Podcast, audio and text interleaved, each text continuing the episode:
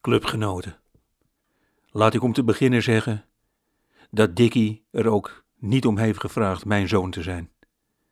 En ja, natuurlijk heeft dat zijn voordelen. Die zijn evident, dat hoef ik jullie niet uit te leggen. Vier keer per jaar op vakantie, twee belletjes van mij en hij heeft een leuke kamer midden in het centrum. En altijd in de spits spelen van de A1, terwijl hij helemaal niet kan voetballen. Dat gebeurt nu eenmaal wanneer je vader al 37 jaar voorzitter is van SJF Vooruit. En iedere week de wedstrijdbal schenkt. Daar loopt Dickie ook niet voor weg. Maar er zijn ook nadelen. En dat, dat lijken veel van jullie hier bij elkaar in de kantine, die ik overigens heb laten bouwen en die ik ook helemaal heb betaald, niet te willen zien. Want het is niet Dickie het is niet Dickie die gisteren heel erg dronken van drank dwars door de voorpui reed en zijn auto in de prijzenkast parkeerde. En het is niet Dickie die daarna op alle elftal foto's Hitler-snorretjes heeft getekend. Nee, dat deed Dickie, de zoon van de voorzitter. En u hebt het makkelijk. U doet boodschappen en rekent af bij de zelfscankassa. U vergeet zogenaamd vier flessen honing en drie pakken vaatwastabletten af te rekenen. En als dat wordt gecontroleerd, dan bent u gewoon Annelies of Theo. En ja, Theo, ik kijk even naar jou.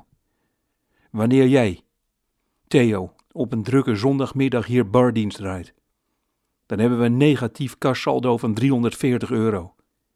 Maar als Dickie, die toevallig mijn zoon is, hier s'nachts op het parkeerterrein tegen zijn zin 34 capsules lachgas naar binnen zuigt en daarna de bocht niet helemaal goed aansnijdt, dan is de wereld opeens te klein.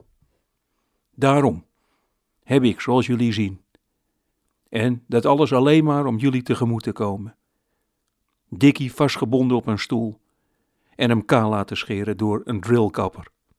Daar zit hij, midden in de kantine, mijn kantine eigenlijk. Ik kom met het volgende voorstel. Jullie mogen allemaal drie minuten losgaan op Dickie. Je mag een bevroren tosties in zijn mond duwen, een stationair draaiende airfryer op zijn schoot zetten. En jullie mogen Dickie vertellen hoe arm jullie zijn en dat de voetbalclub alles is wat jullie hebben. Maar daarna is het over. Zaak gesloten, niet meer over lullen. In alle andere gevallen, als bijvoorbeeld toch de politie wordt ingelicht en wanneer Dickie een strafblad krijgt, dan wens ik jullie Heel veel succes met het zoeken naar een nieuw veld en een nieuwe kantine. De keuze is aan jullie.